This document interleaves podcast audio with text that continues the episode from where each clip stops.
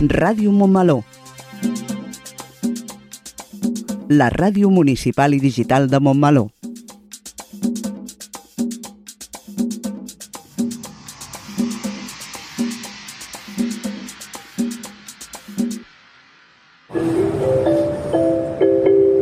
Propera parada, Montmeló.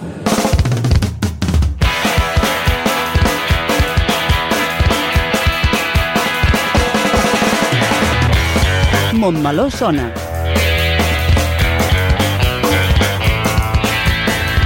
El magazín informatiu de Ràdio Montmeló.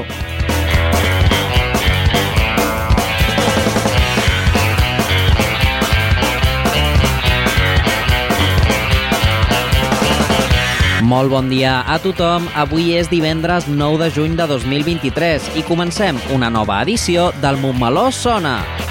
Programa número 72. Encara no és oficialment estiu, però ja comencem a notar la calda i ens ve de gust la terrasseta amb una beguda ben fresca i els peus en remull. Però de moment encara ens toca treballar fins que arribin les vacances per entretenir-vos i informar-vos a tots els oients. Ja que nosaltres encara no podem, us animem a vosaltres a escoltar el nostre programa de la manera més fresca que podeu, mentre passeu el dia a la platja o us remulleu els peus a la piscina. A gaudir-ne! Montmeló Sona és el magazín informatiu setmanal de Ràdio Montmeló, coordinat per l'equip de comunicació de l'Ajuntament. Avui ens acompanya la Lola Robles al bloc de l'entrevista i l'Oriol Contreras a la secció de consum. I a la locució del programa tenim a la Mercè Bolart i un servidor, el Rubén Cantón. I una vegada fetes les presentacions, passem al sumari de continguts que tenim preparats pel programa d'avui.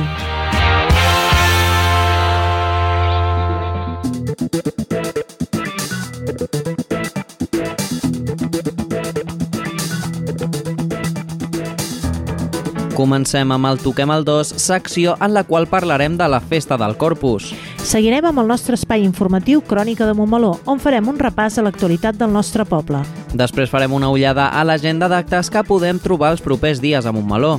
Tot seguit, la Lola Robles entrevistarà la Montse Butxosa, dramaturga i directora de l'espectacle La Terra Enterrada. I acabarem amb una nova secció de consum amb l'Oriol Contreras de l'Oficina Municipal d'Informació al Consumidor.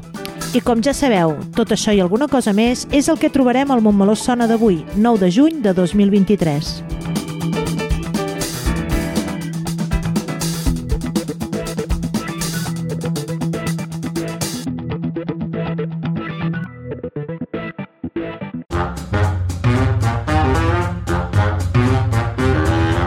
Montmeló sona, el magazín informatiu de Ràdio Montmeló. Montmeló sona i sona així de bé.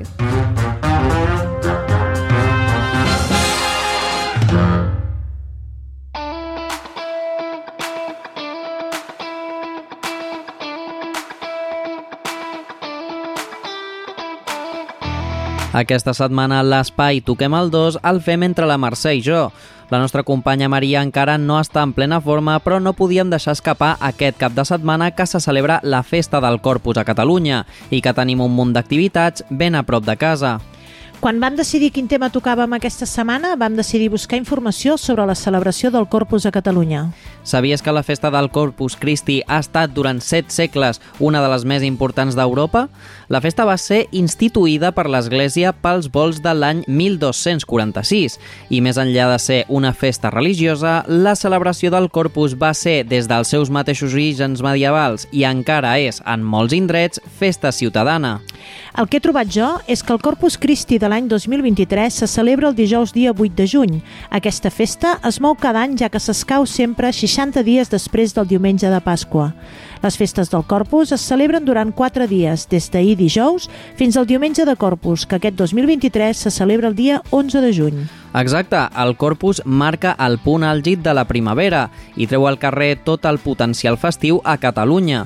En una explosió de flors, les catifes i les enramades omplen el carrer per al pas de les processons i de tot tipus de manifestacions tradicionals. Les viles i ciutats com Sallent, Arbúcies o la Garriga es transformen amb l'engalanament dels carrers, places i façanes. Tot un espectacle visual únic. He buscat què hi havia ben a prop de casa i he trobat que la Garriga, diumenge 11 de juny novament, els carrers s'ompliran de catifes de flors, tradició, entremesos i l'imaginari religiós i festiu. De nou, l'Associació Corpus La Garriga, la parròquia de Sant Esteve, les entitats de cultura popular i l'Ajuntament han treballat conjuntament perquè la festa torni a lluir. Durant la diada, tornaran les catifes de flors i l'ou com balla. Es faran portes obertes al patrimoni garriguenc, hi haurà sardanes, el ball de corpus i el lluïment dels entremesos per acabar amb l'ofici, la processó i la clavellada de fi de festa. Seran quatre dies de celebració. La celebració del Corpus va arrencar ahir dijous, amb el repic general de campanes, l'ofici solemne i la inauguració de la festa amb els lluïments del seguici festiu garriguenc i l'exhibició del front diabòlic dels capgrossos, ginesta i clavallot, el ball de nans, el ball de gegants i el ball de cintes. La música anirà a càrrec de Grallarriga. El vespre va acabar amb la tronada d'inici de festes i el lluïment conjunt. Divendres, avui, hi haurà sardanes i danses tradicionals amb la Copla Mediterrània i membres del Ball de Gitanes i de l'agrupació sardanista a la plaça de l'Església. I a la nit, a Can Luna, concert de Guillem Roma, qui presentarà Postureo Real, un disc carregat d'energia renovada i ple de cançons que ens faran ballar i trobar-nos amb la bellesa de les coses que ens envolten. Les entrades es podran comprar al web del Teatre de la Garriga. Dissabte, vigília de Corpus, es farà la tradicional enramada i la preparació dels clavells. Com a novetat, la Diada Castellera es farà dissabte a la tarda i tot seguit el concert de la Societat Coral L'Aliança i el Cor Gaia i el Seguís Infantil Garriguenc. A la nit es farà un concert amb els Whisky Pitchers, al barri de Dalt, amb sopar d'entrepà i el sopar popular organitzat per les entitats culturals de Corpus i concert amb el repertori festiu a toc d'acordió de Joan Garriga i el Mariachi Galàctic a la pista 1. La nit acabarà amb la música de DJ Tiwi. He vist que a Barcelona la celebració del Corpus també dura 4 dies, de dijous a diumenge. L'acte principal, la celebració de la processó, que des del 1990 es fa el diumenge. Un dels actes destacats a la festa és l'ou com balla, una tradició barcelonina que distingeix la ciutat durant els dies de la festivitat de Corpus. I no podíem acabar sense parlar de la Patum. Per Corpus a Berga se celebra almenys des de 1454, una festa declarada per la UNESCO obra mestra del patrimoni oral i immaterial de la humanitat. L'estructura actual està documentada al 1725, mantenint-se amb lleugeres variants fins avui. Les característiques actuals, els espais, les músiques i els elements es van fixar a final del segle XIX i es mantenen perfectament vigents. Una festa que et farà vibrar i sentir de forma inexplicable. Heu anat mai a la Patum? Tothom diu que val molt la pena. No en va, ha estat declarada obra mestra del patrimoni oral immaterial de la humanitat. I amb el salt de plens de la Patum acabem la secció desitjant una ràpida recuperació a la Maria per poder seguir gaudint amb ella de les seves recomanacions de visites, excursions i propostes pels caps de setmana. Gaudiu del cap de setmana. Ens retrobem la setmana vinent. Mentrestant, toquem el 2, que el 3 ja és fora.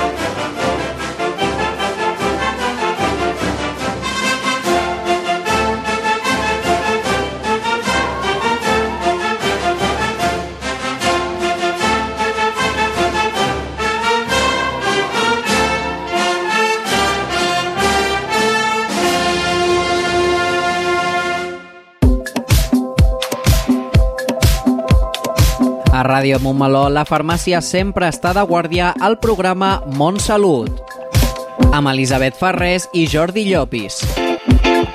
El segon dimarts de cada mes a les 12 del migdia.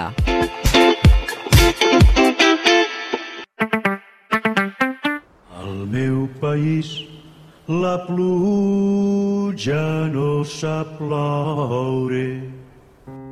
El canvi climàtic asseca els rius Posa en risc l'abastament d'aigua i la producció d'aliments. Treballem per fer front a la sequera i garantir l'aigua, però cal l'esforç de tothom. Cada gota compte. La pluja no la controles, l'aixeta sí. Generalitat de Catalunya.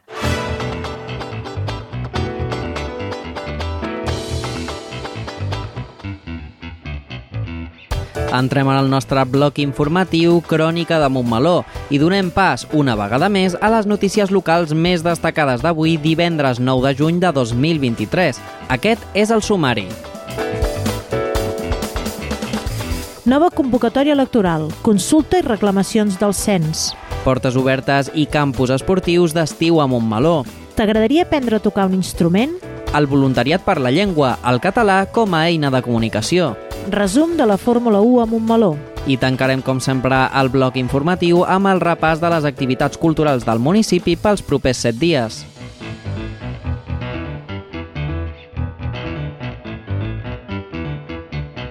Després de la convocatòria d'eleccions, del 5 al 12 de juny s'obre el període de consulta de les llistes electorals per a les eleccions generals 2023. Durant aquest període es poden presentar les al·legacions i modificacions sobre les dades censals, tot i que només es podran tenir en compte les que facin referència a les rectificacions d'errades a les dades personals, als canvis de domicili dins d'una mateixa circumscripció o a la no inclusió del reclamant a cap secció del cens, tot i tenir dret a ser-hi. El cens per a les eleccions generals el 23 de juliol de 2023 es va tancar l'1 de març i recull els moviments comunicats pels ajuntaments, consulats i registres civils que han tingut lloc fins al 27 de febrer d'aquest any. Per tant, tots els ciutadans que van fer un canvi de domicili fins al 27 de febrer, inclòs, votaran al col·legi electoral que correspon a la seva nova adreça, mentre si van fer el canvi de domicili el 28 de febrer o en dates posteriors, votaran al col·legi electoral que correspon a la seva antiga adreça. Les persones interessades poden adreçar-se a l'Oficina d'Atenció a la Ciutadania de l'Ajuntament en horari de dilluns a divendres de 8 a 14 hores. També es poden fer les consultes per mitjans informàtics a la pàgina web de l'INE mitjançant el sistema clave o utilitzant un certificat electrònic. Per altra banda, l'Oficina del Cens Electoral envia a cada elector i electora una targeta censal que conté les dates actualitzades de la inscripció en el cens electoral i de la secció i la mesa en què correspon votar.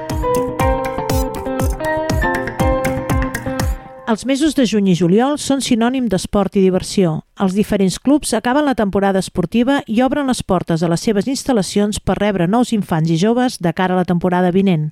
Si esteu interessats en conèixer les entitats esportives del municipi, agafeu paper i bolígraf que us passem les dades de contacte de cadascuna d'elles.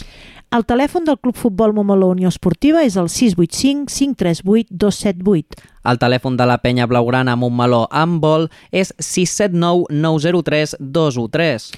El telèfon del Club Esportiu Penya Blaugrana Montmeló Futbol Sala és el 696 575 391. El telèfon del Montmeló Club Bàsquet és 670 734 534.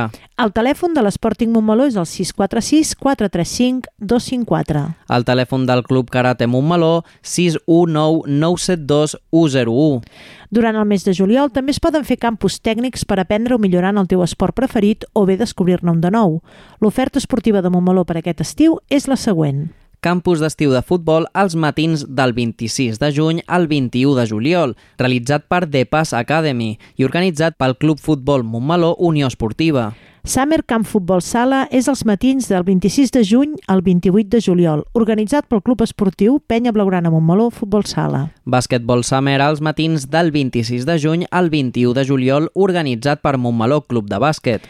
El Montmeló Club Bàsquet organitza també del 23 al 28 de juny les colònies de bàsquet. I també pots trobar al campus de rítmica als matins del 3 al 28 de juliol, organitzat pel Montmeló Associació de Rítmica. Vine a l'Escola de Música i et farem una classe de prova gratuïta. Durant la primera setmana de juliol, l'Escola de Música obrirà les portes pels infants, joves i adults que tinguin inquietuds musicals i vulguin provar un instrument. Es tracta de provar els diferents instruments o bé l'instrument musical que sempre has volgut tocar, però que mai t'has atrevit a fer-ho. D'aquesta manera, i amb l'assessorament del professorat de l'escola, podràs comprovar les teves habilitats i decidir si vols continuar endavant seguint la dinàmica educativa de l'Escola de Música. Pots apuntar-te per internet, per telèfon o de manera presencial durant la darrera setmana de juny.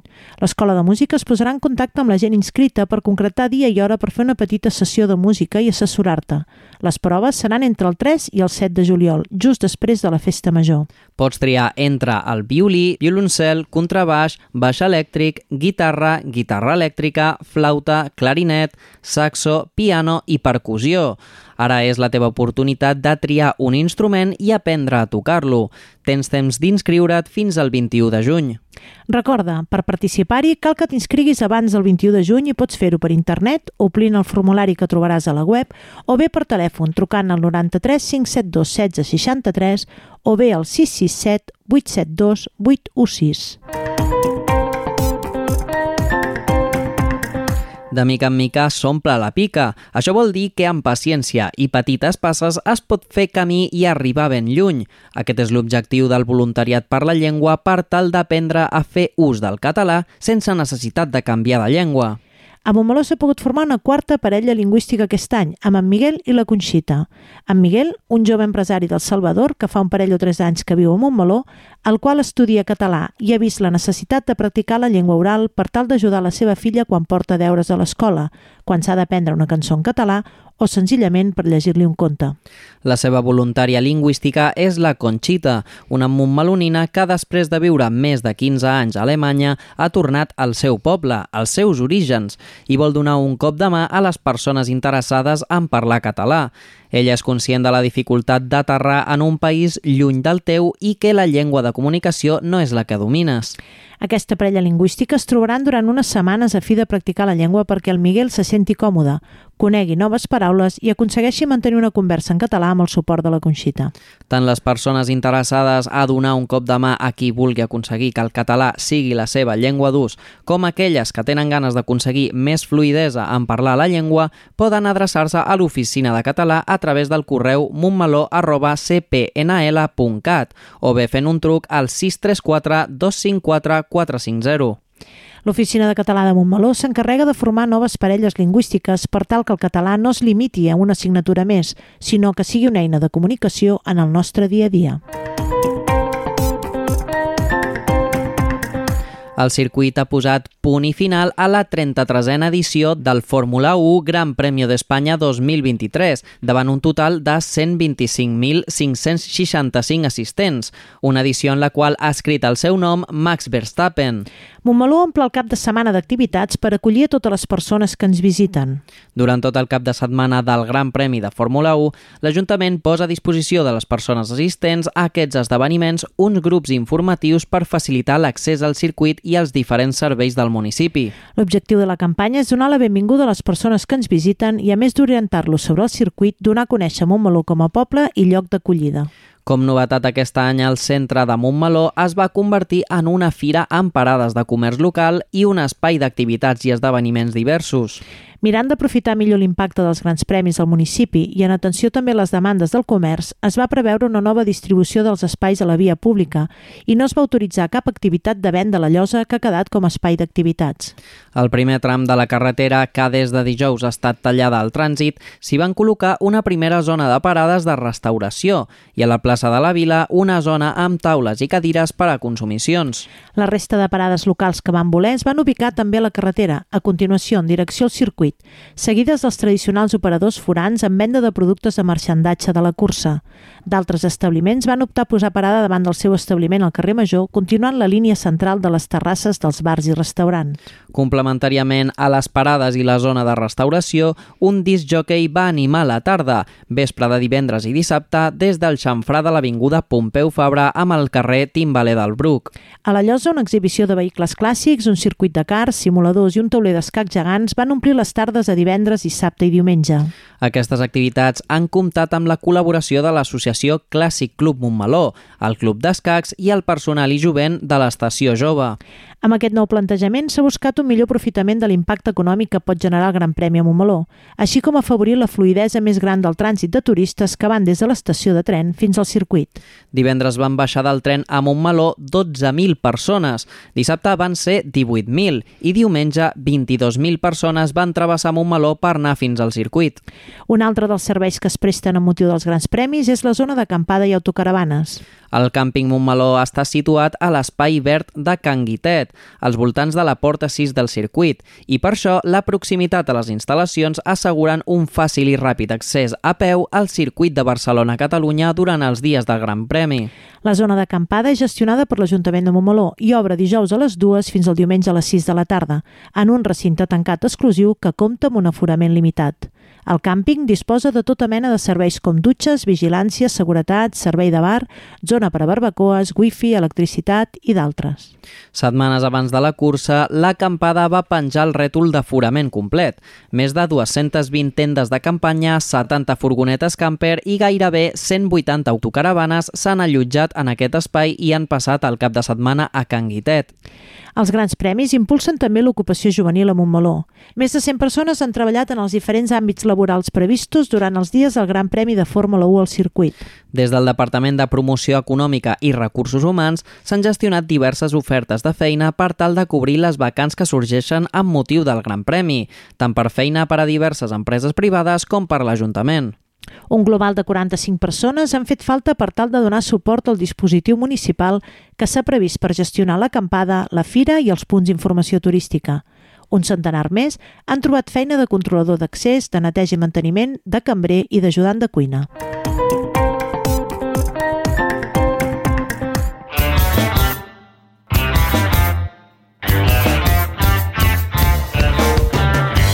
Iniciem el bloc de l'agenda d'activitats culturals des d'avui dia 9 fins al diumenge dia 18 de juny. L'agenda per aquests dies ve marcada pels festivals de fi de curs i per la celebració de dos plens extraordinaris. Avui divendres 9 de juny a les 5 de la tarda, els més petits de l'Escola Municipal de Música, l'alumnat de sensibilització, seran els protagonistes de la cantata Cantacontes.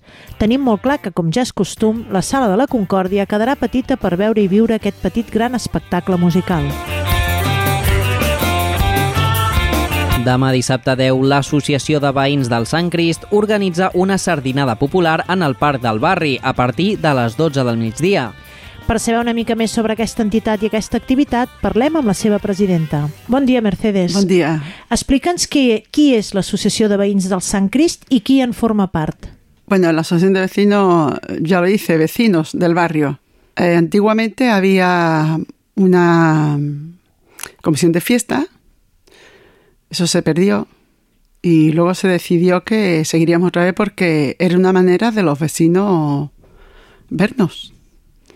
Aparte de que han, han venido vecinos nuevos, la gente se hace mayor y nos hace ilusión de vez en cuando, pues, eh, una sardinada, una butifarrada, eh, la cena de San Juan, pues, juntarnos un poco y, I ver cares i nuevas, no? Entonces, uh, què, què trobarem dissabte en el parc? Pues el dissabte la, la sardinada que normalmente hacemos en primavera. Y más de lo mismo, pues nos volvemos a ver, nos vamos a juntar y lo pasamos bien. Es asociación de vecinos, pero que es abierto a todo el pueblo. Puede venir toda la gente que Qualsevol. quiera. Llavors, què hem de fer si volem venir dissabte? Cal apuntar-se a algun lloc o ens presentem allà no, quina se hora? presentan allá, piden el ticket y, y ya está.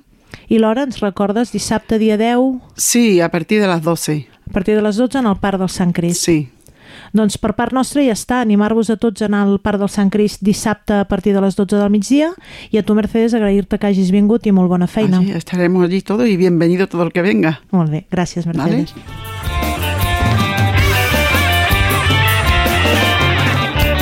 I per la tarda es tancarà la temporada estable de la sala polivalent amb l'espectacle La Terra Enterrada.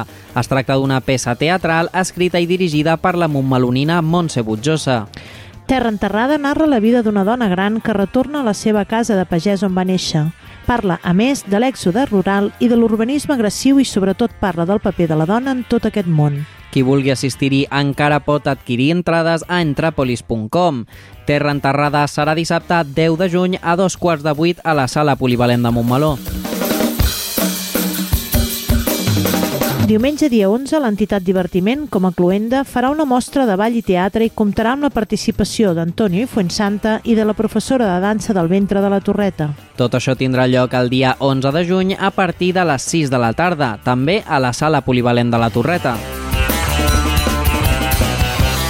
Dimecres 14 a les 19 hores, ple extraordinari de cluenda de la legislatura 2019-2023. El ple es farà a la Sala de la Concòrdia i es podrà seguir en directe pel canal de YouTube de l'Ajuntament.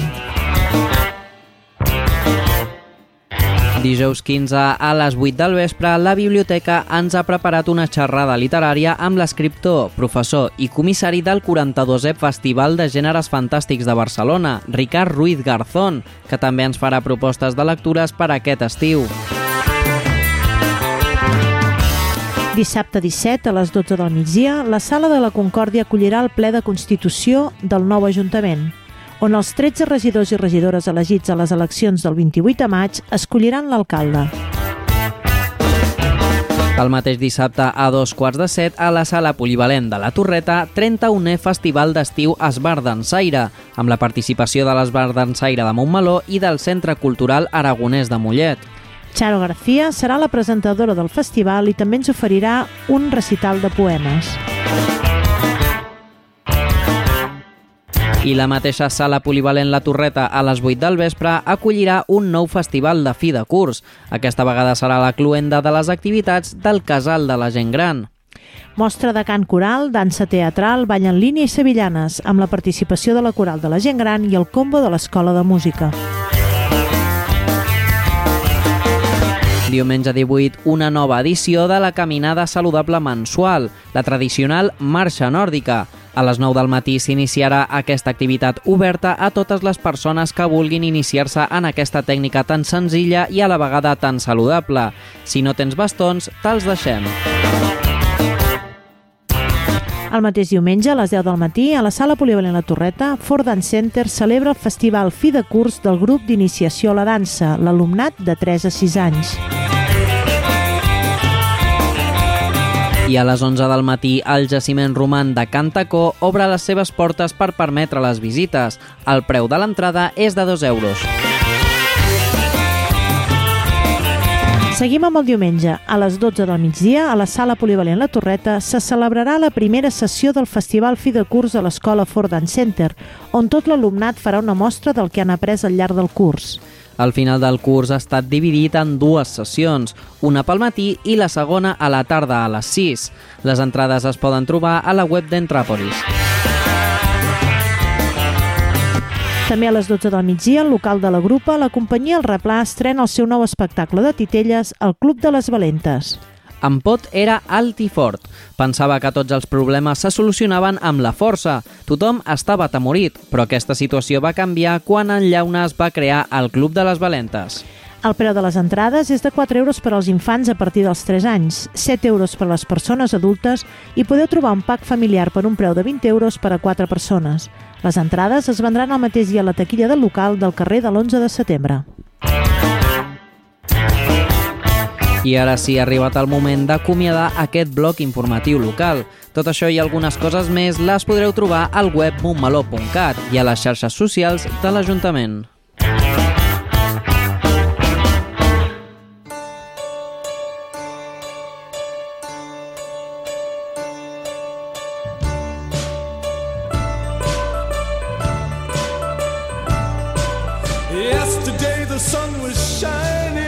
But you're finding the sun it don't shine all the time.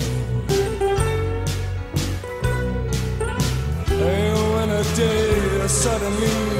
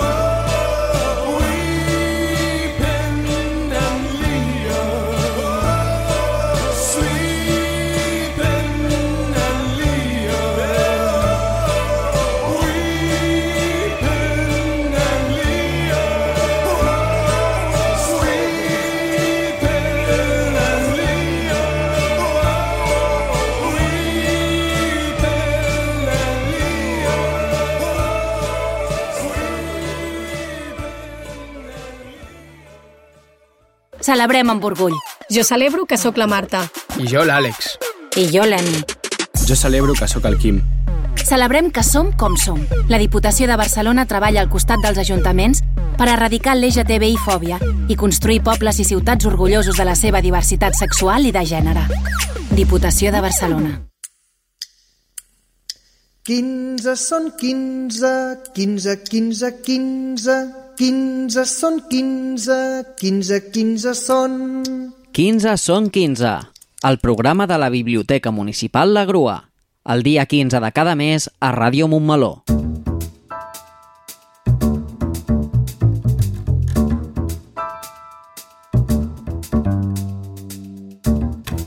Demà dissabte, la Sala Polivalent tanca temporada amb l'obra La Terra Enterrada, escrita i dirigida per la montmelonina Montse Butjosa, que amb la seva companyia de teatre La Bassals ret homenatge a les generacions de dones, mares, àvies que ens han precedit.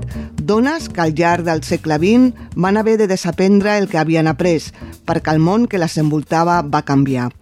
Per parlar sobre aquest espectacle i sobre la seva trajectòria professional, contem al Montmeló Sona d'avui amb la Montse Butjosa. Bon dia, Montse, què tal? Com estem? Bon dia. Bé, gràcies. Primer de tot, eh, què es trobarà l'espectador que vagi a veure La Terra Enterrada i per què hauria d'anar a veure aquest espectacle? Um, don, do, do, dos preguntes, eh? um, què es trobarà? Es trobarà una proposta aparentment convencional de teatre de text que és uh, 100% femenina, són tres actrius dalt de l'escenari, i que en una segona capa doncs, eh, fa una crítica, jo crec, bastant contemporània al món que ens envolta i al, i al concepte de progrés. Per què, per què hauria de venir la gent? Penso que és un espectacle que jo vaig tenir la necessitat de fer perquè tenia la necessitat de parlar de mi i dels meus orígens.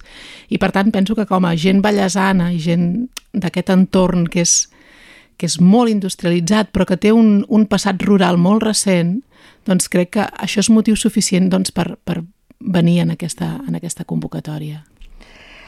Com has abordat la direcció de l'obra des del seu procés creatiu fins a l'estrena? Um, un cop vaig tenir el text entre mans, um, vaig, vaig poder fer com una mena de, de, de període de descans entre el que va ser l'escriptura i, i, i la sanificació.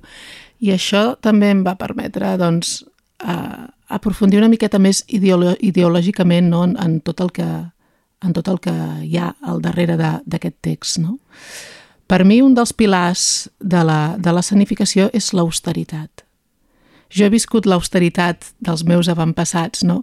I veig la, la, el, el hiperconsum no? que existeix en, en el dia d'avui, aquest tastaulletes continu, aquest no? sobrevolar les coses, tant si parlem d'objectes com si parlem d'experiències o de viatges, no? aquest anar passant, no?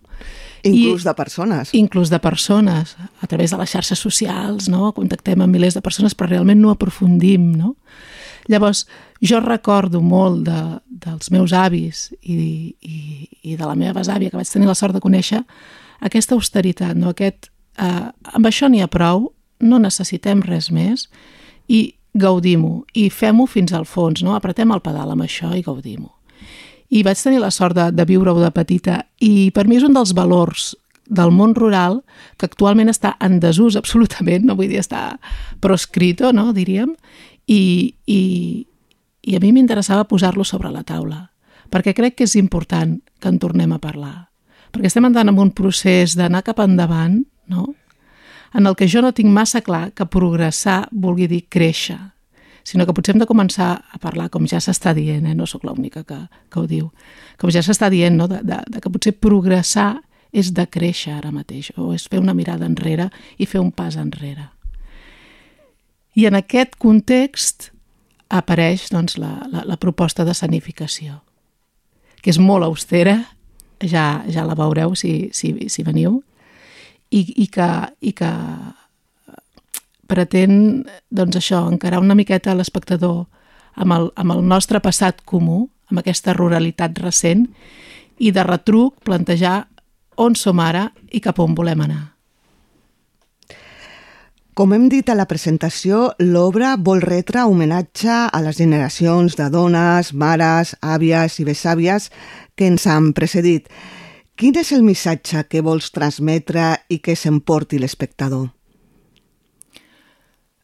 Um, una mica enllaçant amb el que deia abans, jo penso que uh, això, no? que aparentment el meu espectacle és una miqueta de modè en el sentit de que parlo de al segle passat, no? al segle XX, i, i explico històries d'àvies, no? o, o, o poso sobre la taula temes que es poden ressonar com antics, no? com la Guerra Civil o com la riuada del 62, que l'any passat va fer 60 anys just. I, i, i això no ha d'esborrar el, el, o, o vull parlar-ne conjuntament amb el fet de, de què ens està passant, no? cap on anem. I a mi m'agradaria que l'espectador s'emportés un, un interrogant a casa. Senzillament això, no? de d'on vinc i cap on vaig. No? Venim, som els nostres orígens, no? tenim les nostres arrels. Jo la parlo de les arrels. pregunta, no? Sí, de fet el, el nom de la terra enterrada um, sorgeix d'aquesta sensació de que les persones estem posant capes entre la terra i nosaltres, no? Capes d'asfalt, capes de ciment, capes de, de, pues això, de, de, de mil coses, però ja no, no només físiques, sinó també eh, conceptuals, no? I estem enterrant la terra. I, i potser, potser aquesta terra necessita respirar i necessita que la, que la desenterrem. Aquí també parlo de, de gallecs, gallecs Eh, jo personalment hi tinc un lligam especial, i va néixer el meu avi, va néixer la meva mare, i, i, i me l'estimo molt, no? Però Gallecs és un exemple d'una terra que no va aconseguir ser enterrada, no? I aquest exemple tan particular no? que tenim tan a prop nostre, doncs també el poso una mica sobre la taula per, per, per ajudar a fer- fer-nos conscients no? de què volem, què tenim i què esperem, no? Amb quins desafiaments t'has enfrontat com a directora novel i com els has anat superant? D'entrada, el, els, eh, bueno, el- l'espectacle es, va, es va assajar um, a l'Institut del Teatre.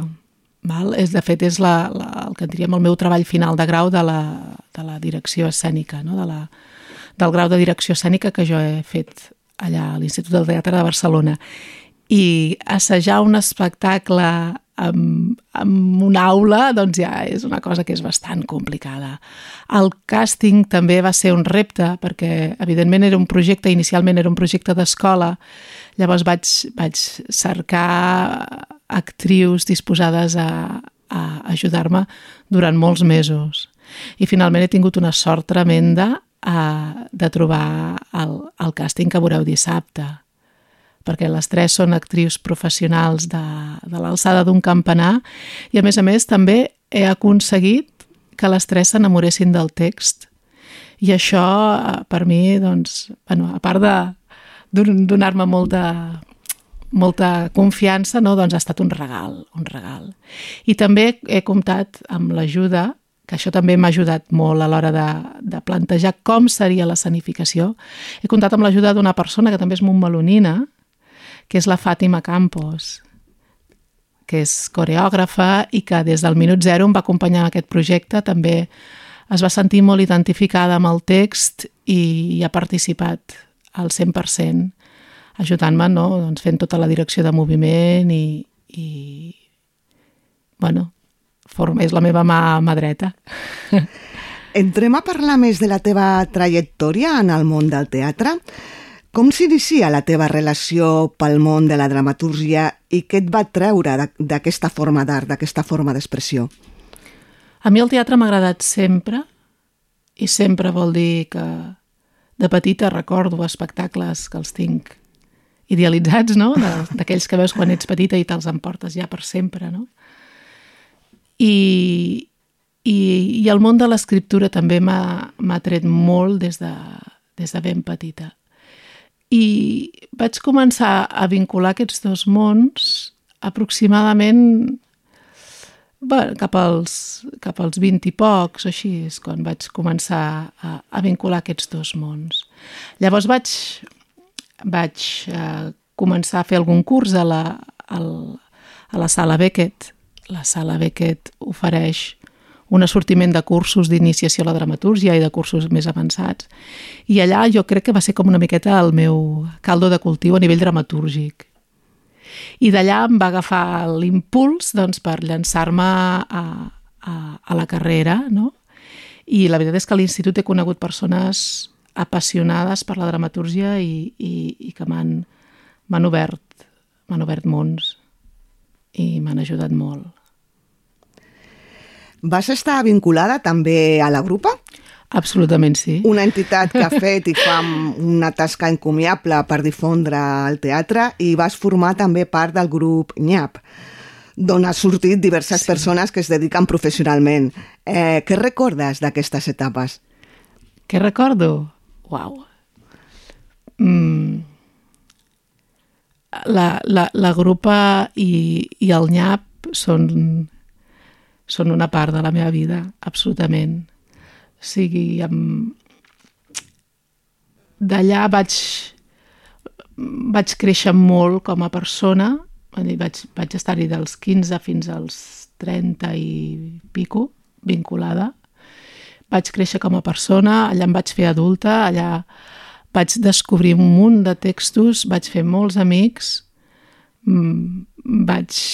Bueno, és, allà hi tinc posada molta, molta, molta part de la meva vida. I, i la, la història del nyap, o el que significa el nyap, o la companyia de teatre nyap, com ens dèiem, no?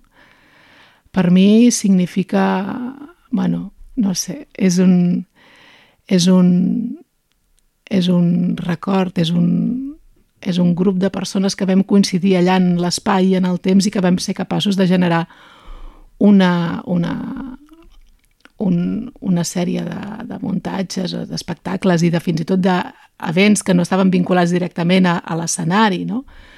Mm, sota la batuta del Joan Sors, no? que també és montmeloní, i, i va ser molt especial, molt especial. Uh, segons mm, la teva opinió, uh, quins elements ha de tenir una bona obra de teatre? Ostres, aquesta pregunta és molt difícil, eh? A mi a mi m'agrada m'agraden els espectacles que et porten a llocs diferents i una miqueta incòmodes també està bé. M'agraden els espectacles que quan surts tens coses a dir. Amb... Molta gent vincula o, o, o el teatre l'entreteniment, a la comèdia, al passar-s'ho bé. Jo penso que el passar-s'ho bé inclou també aquesta, aquesta altra part de... De reflexió, De no? reflexió, sí, o de reflexió, de debat, de, de generar preguntes. No? A mi m'interessa el teatre que, que, que genera preguntes i que et pot generar certa incomoditat. I no cal eh, que sigui es, estrictament teatre de text, vull dir, hi ha teatre d'objectes o que et pot, o titelles, no? que et poden portar a, a llocs molt, molt, molt incòmodes i molt, molt generadors de, de debat. I estàs treballant en algun projecte nou? Sí. Ens Sí. pots avançar alguna cosa? Sí, sí. Tinc entre mans un projecte que, que per mi està sent molt emocionant i que també m'està removent molt i que també de cop i volta m'està col·locant en llocs en què mai m'hauria imaginat que és un, un projecte de teatre amb malalts de Parkinson. Um, estem preparant un espectacle i l'estrenarem al juliol i, i espero que aquí a Montmeló ens sentim a parlar espero, creu els dits, que ens sentim a parlar ja cap a la tardor o qui sap si l'any que ve eh? és una proposta que em va arribar em va caure a les mans i, i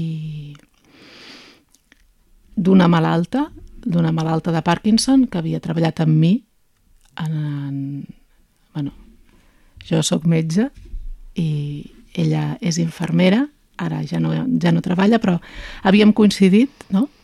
I, i ens vam retrobar amb el teatre i ella doncs, em, va, em va oferir aquest projecte i juntament amb, amb tot un equip eh, hem estat treballant amb, amb aquest projecte que es diu Parkinson per al teatre i que està vinculat també a la UOC, a la Universitat Oberta de Catalunya, i un equip eh, format per una terapeuta ocupacional, la Montse Gavaldà, la, la infermera que es diu Sofia i jo mateixa doncs hem creat aquest, aquest taller que ha de culminar amb un, amb un espectacle que també he escrit jo, que estic escrivint jo, amb l'ajuda i el, i el feedback d'aquests malalts.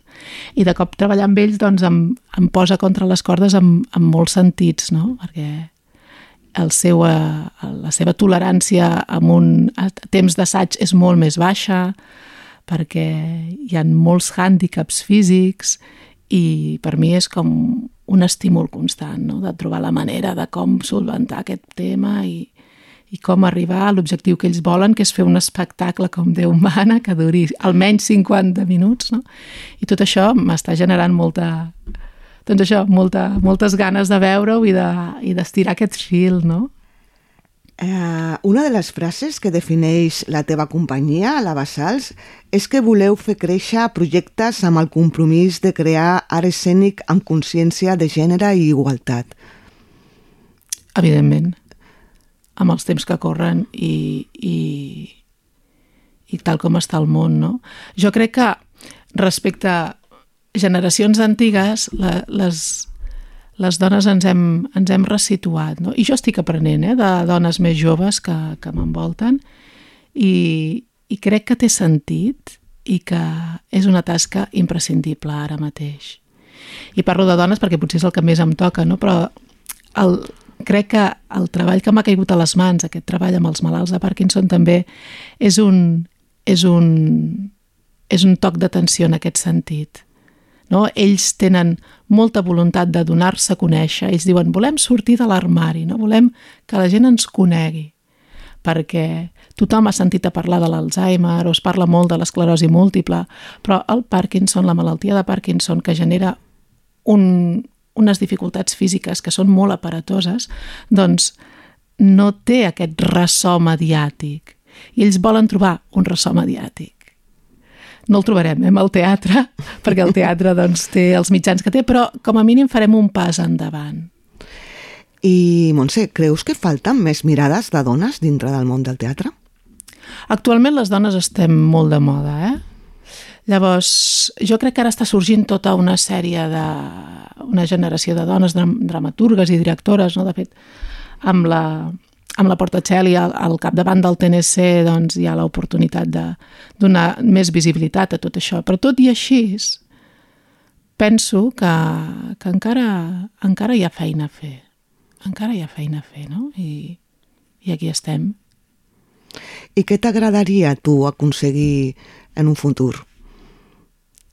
Ostres, a mi, a mi el que m'agradaria en un futur és consolidar la Bassals i, i, i produir, aconseguir ser capaç de, de produir un espectacle de tant en tant, no diré cada any, ja no ho diré això, però sí ser capaç de, de, de mantenir aquesta, aquesta cosa creativa, perquè jo la necessito. I, i com que la necessito l'haig de fer. Llavors ara mateix sóc una persona que viu entre dos mons, no? ja he dit que era metge, doncs visc a cavall entre un servei d'urgències dins d'un hospital i una sala d'assaig, no? I estic intentant trobar l'equilibri. I tant de bo doncs, pugui apretar una miqueta més el pedal amb el, amb el tema teatral i aixecar una miqueta el peu en el, en el món de la medicina. Això per mi seria un somni. I finalment, segons la teva opinió, quin impacte creus que té el teatre en la societat i en la vida de les persones? Jo penso que, si parlem d'avui, molt poc. Molt, molt poc. Però si fem un, un... Ara, no sé, em posaré així com filosòfica, però si, si, si fem una mirada a tot el que és la història de la, de la humanitat, no? ens n'anem al segle V abans de Cris i allà ja hi havia teatre. I no hi havia premis de Fórmula 1.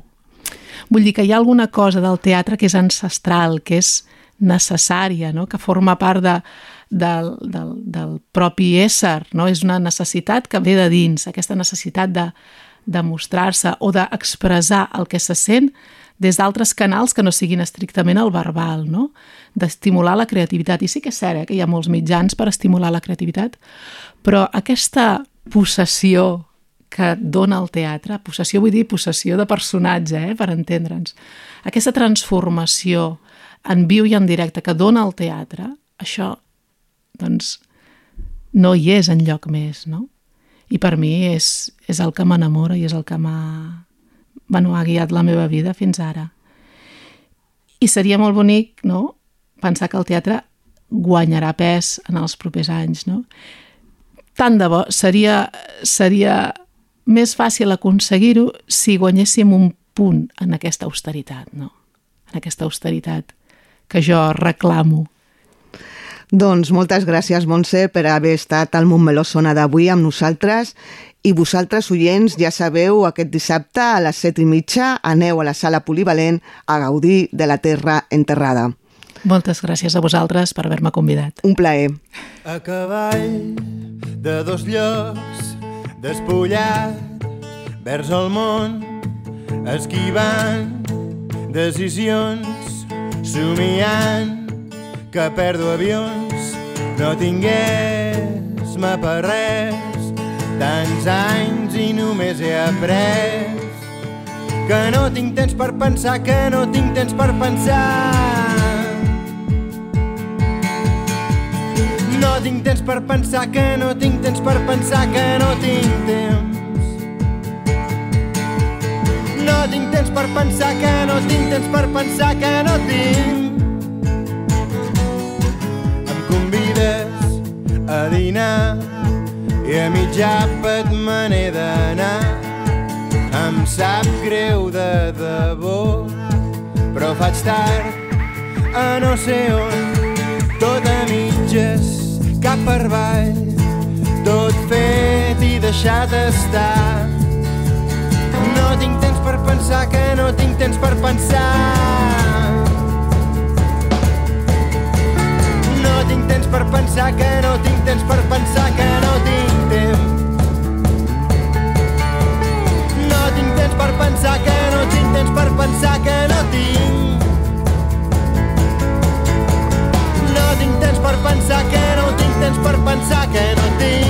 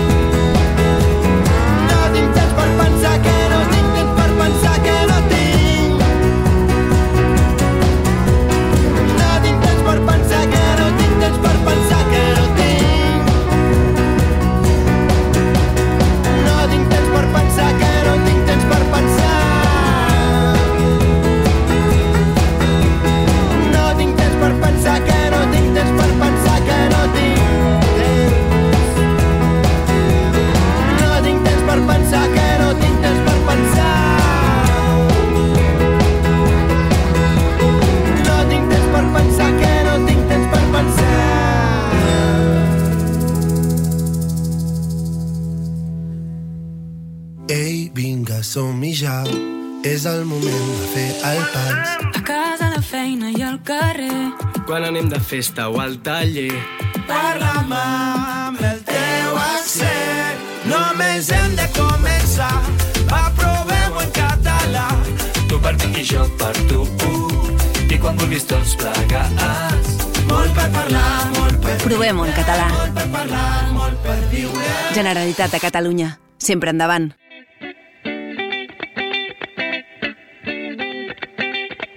Ensenya'm la llengua.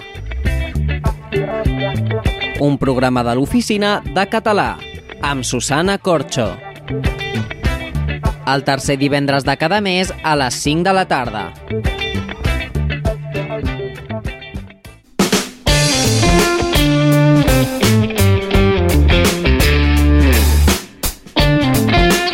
I tornem a tenir al Montmeló Sona la secció de consum amb l'Oriol Contreras de l'Oficina Municipal d'Informació al Consumidor. Bon dia, què tal? Molt bon dia a tothom, molt bé. Eh, què és el que ens vens a explicar eh, aquest mes a la secció de consum?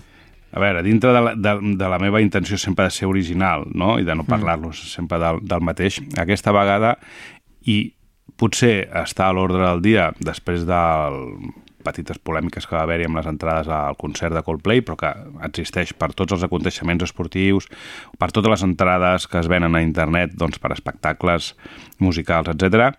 Eh, volia parlar-vos de la compra d'entrades per a espectacles i aconteixements esportius per internet, exclusivament per internet i tota la problemàtica totes les dificultats, entre cometes trampes, que ens podem trobar i que jo vull advertir no, als consumidors d'aquest perill. Sí, perquè per posar una mica en context el que va passar bàsicament és que hi, hi havia com moltes estafes, no? Hi havia moltes estafes que, que reben, eh, revenien entrades, però al final no eren entrades, era com, no sé, hi havia un, un lío allà. Sí, a veure, el, en concret el tema de Coldplay eh, no és exactament el que jo volia vale parlar d'avui, però sí que ho trec perquè, bé, al final estem parlant de, de venda d'entrades per a espectacles i de tota la problemàtica que porta. Aquesta en concret de Coldplay eren dos personatges que mm. sí, que realment doncs, venien, estafaven, o sigui, venien una entrada duplicada amb tota una història al darrere i una entrada duplicada vol dir que n'hi ha una original i una segona que no ho és. Sí. En aquest cas, eh, és, fins i tot es ve a llegir que un dels dos personatges aquests està començant a tornar els diners, suposo perquè sap que darrere té la condemna penal, no? Però això treu a llum una altra vegada el que portem ja temps arrossegant, que és l'entrada, les ventes d'entrades a través d'internet no de les empreses oficials, no de les plataformes que venen les entrades oficials d'aquell aconteixement, sinó d'una en concret, d'una empresa en concret, d'una plataforma en concret que es diu Via Gogo, Mm. Via en V baixa, Via Gogo.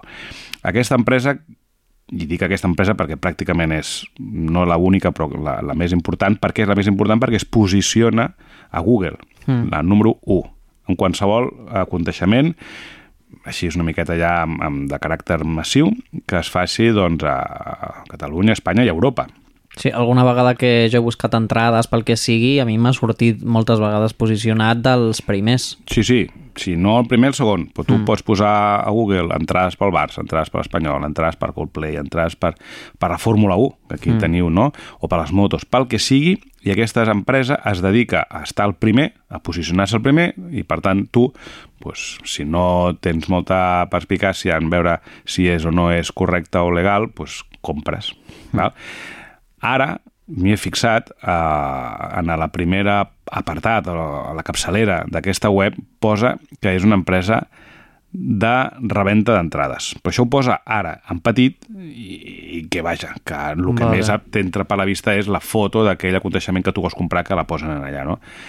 I ara diuen això, però fins ara no, no, ni tan sols ho deien. I tot i dir-ho ja et dic que és molt difícil de veure-ho. Què vol dir?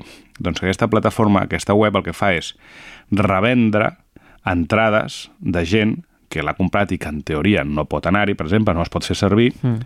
o altres negocis ja paral·lels, no? comprar-ne tres o quatre per tornar-la a vendre i intentar treure una mica més de diner. Mm. I aquesta plataforma posa en contacte. Pues, no seria un Wallapop, no seria un Wallapop, però sí que és una plataforma d'intermediació. El que passa que no posa en contacte comprador i venedor. I aquí també hi ha la diferència. Simplement te la ven directament l'empresa, perquè si posés en contacte comprador i venedor, te'n donaries compte de que no estàs comprant, entre cometes, una entrada oficial. Mm. O no estàs comprant una plataforma oficial, però com que qui te la ven és ella mateixa, via Gogo, aquesta empresa, doncs no te'n dones compte. Però Viagogo està revenent l'entrada d'una altra persona, amb el perill de que l'entrada de l'altra persona estigui ben comprada, tingui les seves eh, condicions de visibilitat o, o d'audició, perquè hi ha llocs saps, que no es veu igual de bé, no? un lloc de l'estadi en un altre, en un lloc d'un pavelló, en un lloc d'un teatre, Mm. i tot això tampoc t'ho diuen. Bueno, I també hi ha, ara mateix, quan compres entrades en segons quina eh, plataforma sigui o quin, eh, quin tipus d'espectacle sigui, eh, també és molt difícil el canviar d'entrades perquè necessites com... Eh, necessita totes les dades teves eh, en concretes que ets tu qui va a l'espectacle i si s'ho vols passar a una altra persona no li funcionarà. O sigui, no, no sé com ho farien en, aquest, en Aquest punt, casos. tens raó, aquest punt tampoc el sé jo, Mhm. però que com que sé que es, com que es venen, doncs deuen, realment ho deuen, ho deuen manipular de- d'alguna Ja. manera. O, com dius tu, en aquells espectacles que les entrades són nominatives, doncs potser la persona quan arriba a l'espectacle es troba que no pot entrar. De fet, si estem parlant d'això és perquè la gent té molts problemes, perquè si la gent comprés aquesta entrada i tot funcionés correctament, no hi hauria polèmica. Sí. La polèmica ha sorgit perquè molta gent doncs, té dificultats a l'hora d'entrar per, perquè això, perquè va nominatiu i no coincideix el nom, perquè no és el tipus d'entrada que pensava que s'estava comprant, perquè el preu que està pagant és superior al preu que en aquell moment s'està venent eh, a través de la plataforma oficial. I és que, a més a més, eh, si em diguessis no, és que les entrades a Viagogo es posen a la venda quan ja pràcticament el mercat està saturat, ja estan totes les entrades venudes, llavors és una possibilitat de poder aconseguir anar a aquell concert o anar a veure aquella obra de teatre, però és que ja ho venen des del primer moment, quan encara la web oficial està venent oficialment les Sí. seves entrades, no? Vull dir que encara té més delicte per això. Si li afegim, i aquesta dada és molt important, que aquesta empresa està domiciliada als Estats Units, a Nova York en concret, i que la seva delegació a Europa, alerta, està domiciliada a Suïssa, ni a Suïssa ni, lògicament, als Estats Units formen part de la Unió Europea. Per tant, no es pot fer cap tipus de reclamació ni de persecució judicial. Mm. Una vegada a la Generalitat de Catalunya, a l'Agència Catalana de Consum, ens van comentar que des de les autoritats suïsses, des de la Fiscalia de Suïssa, s'estava intentant fer alguna cosa, no? com a mínim perquè fos o transparent, que deixés clar aquesta empresa què és el que estava fent, o que ho deixés fer, ho, ho deixés de fer. Però realment des d'aquí, des de Catalunya, des d'Espanya, des de la Unió Europea, no podem fer res. Per tant, quan em ve un usuari i em diu mira, és que vaig comprar aquestes entrades en aquesta empresa, que llavors quan venen no saben no, de què va, i jo els explico de què funciona, diu, pues ara què faig? Mm. Pues jo no puc reclamar. Des de l'oficina del consumidor no es pot reclamar. Com que és una empresa de venda de segona mà, què li dic jo a l'usuari? Doncs pues, miri, posi-la a tornar-la a vendre. Clar, Viagogo guanya diners quan tu li compres per primera vegada i torna a guanyar diners si algú te la torna a, a comprar. Però sí que sé de gent que l'ha posat a la venda una altra vegada a Vivagogo i se l'han comprat. I per tant, a vegades els rescabalen els diners que s'han gastat, a vegades no arriben, a vegades els perden. Mm. I, i realment és, és, és una problemàtica. Conclusió, evidentment, comprar les entrades en els llocs oficials. Mm. I si no sabem distingir, que podria passar, quin és el lloc oficial de quin no ho és, preguntar, trucar, preguntar, averiguar al veí, a l'oficina del consumidor, on sigui, però no comprar mai a la primera, i això no només és en tema d'entrades, eh, del Viagogo que parlem ara, en general, qualsevol per cosa que busquis per, per Google, internet o... no, posis, no busquis mai la primera. Sí. Apareix sempre a la dreta, a l'esquerra del nom de la, de la pàgina, la paraula anunci, anuncio, anunci. Mm no passa res, és un anunci d'una empresa, lògicament, per això ho destaquen, però sempre les dues o tres primeres eh, webs d'anuncis a mi no m'acaben mai de... Això m'ha passat amb, amb tema de serrallers. La gent busca un serraller perquè s'ha quedat la porta tancada o el que sigui. Els dos o tres primers són aquells que paguen molt per estar primers amb l'únic objectiu de vendre's perquè seran els primers, no perquè són els més bons ni els més recomanats. Al contrari, normalment són els més dolents i els menys recomanats, però allà estan. Mm. Hi ha alguna cosa més que hem de tenir en compte? Mm, no, bàsicament això, tenir molt present aquest, el nom d'aquesta empresa, Viagogo, i, i, i tenir molta cura, sobretot també a l'hora de, de, de demanar garanties de la venda d'aquesta entrada, no? perquè mm, normalment si et diuen doncs amb un flash, no? pues, exaurides les últimes entrades, no? O, o, o et diuen doncs um, te les podem tornar després o pots recuperar els diners quan normalment una entrada comprada per internet mm, tu no la pots tornar al mateix espectacle la pots tornar a vendre, pots tornar-la no, és a dir, mm. hi ha una sèrie d'informacions també que no acostumen a ser les, les, les, les legals, no? Llavors, clar, també pot ser que tu, no, evidentment, no la sàpigues. Però tot aquest tipus d'insistència eh, en comprar, que s'acaben, que són les darreres, que no n'hi ha més, sí. tot això sempre s'ha de posar, s'ha de contrastar. No? I abans de comprar una entrada, que normalment són cares, a més a més, doncs contrastar-ho i mirar una o dos pàg eh, pàgines web que estiguin a sota, la segona, la tercera, la quarta, val? i acostumar-nos doncs, a, a comprar en les pàgines oficials. Mm. Doncs molt bé, moltes gràcies Oriol per venir a la ràdio i ens tornem a, a veure el mes que ve a la secció de consum del, del programa del dia 14 de juliol. Moltes gràcies. A vosaltres, intentarem buscar un tema també prou profitós. molt bé.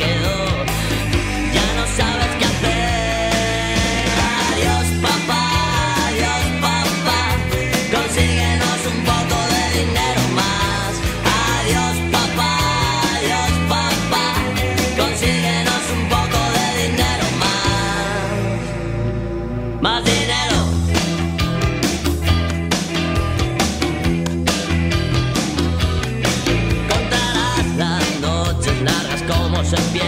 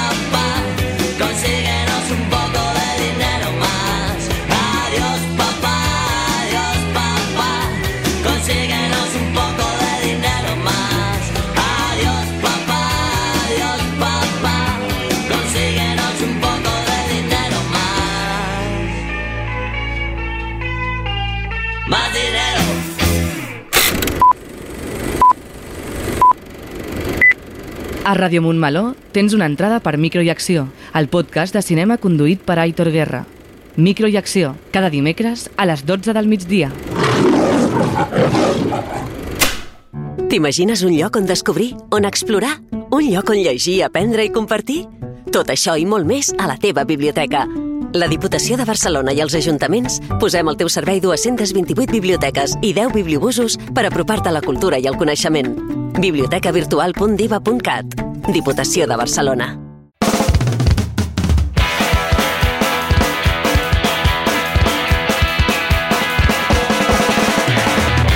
I ja arribem al final del programa, però abans repassem tots els programes que podeu sentir a la nostra emissora durant la setmana.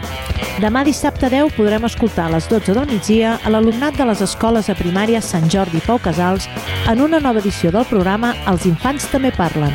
Ens explicaran el que han après sobre Cuba i ens ensenyaran els invents que han creat.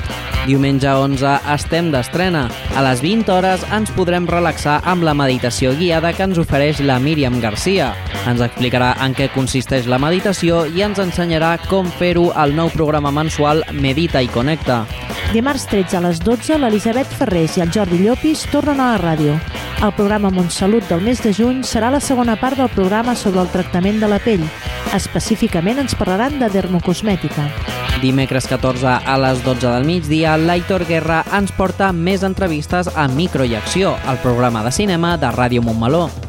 I finalment, dijous 15 a les 15, tindrem 15 són 15, el programa de la Biblioteca Municipal La Grua de Montmeló, on la Eli i la Fina ens parlen de les novetats literàries que podem trobar a la biblioteca. I amb tot això marxem, però com ja és costum, us volem recordar que podeu contactar directament amb l'emissora si teniu qualsevol idea, suggeriment o opinió mitjançant el nostre correu radiomo.montmeló.cat o a través del telèfon i WhatsApp 637 150 702. Molt bon cap de setmana a tothom. Descanseu molt, però esteu atents perquè nosaltres seguirem aquí la setmana que ve. Montmeló tornarà a sonar divendres 16 de juny de 2023 a les 12 del migdia.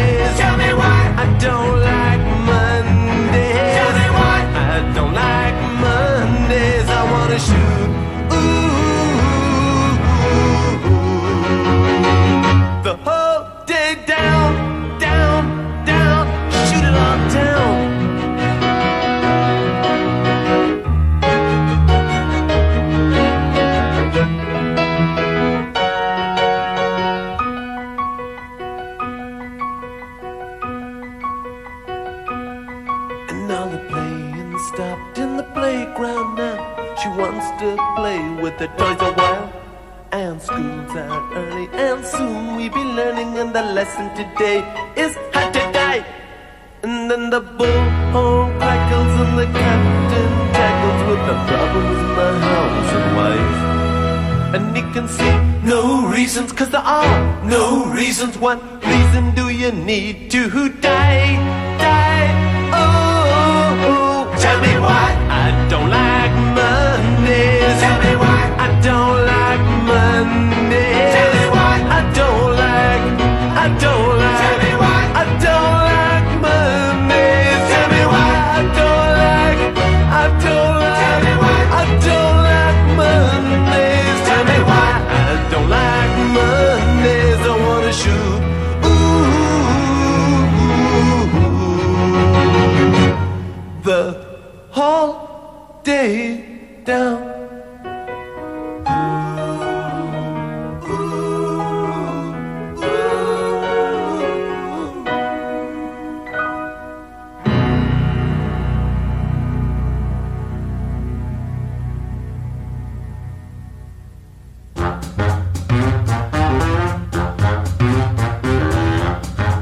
sona, el magazín informatiu de Ràdio Montmeló.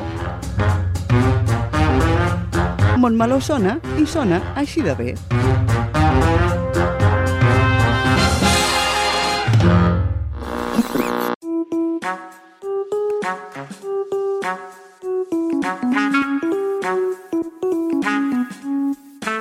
Ràdio Montmeló. Sintonitza'ns al web radiomontmeló.cat i a través de les xarxes d'Instagram, Facebook i Twitter. Ràdio Montmeló, la ràdio municipal i digital de Montmeló.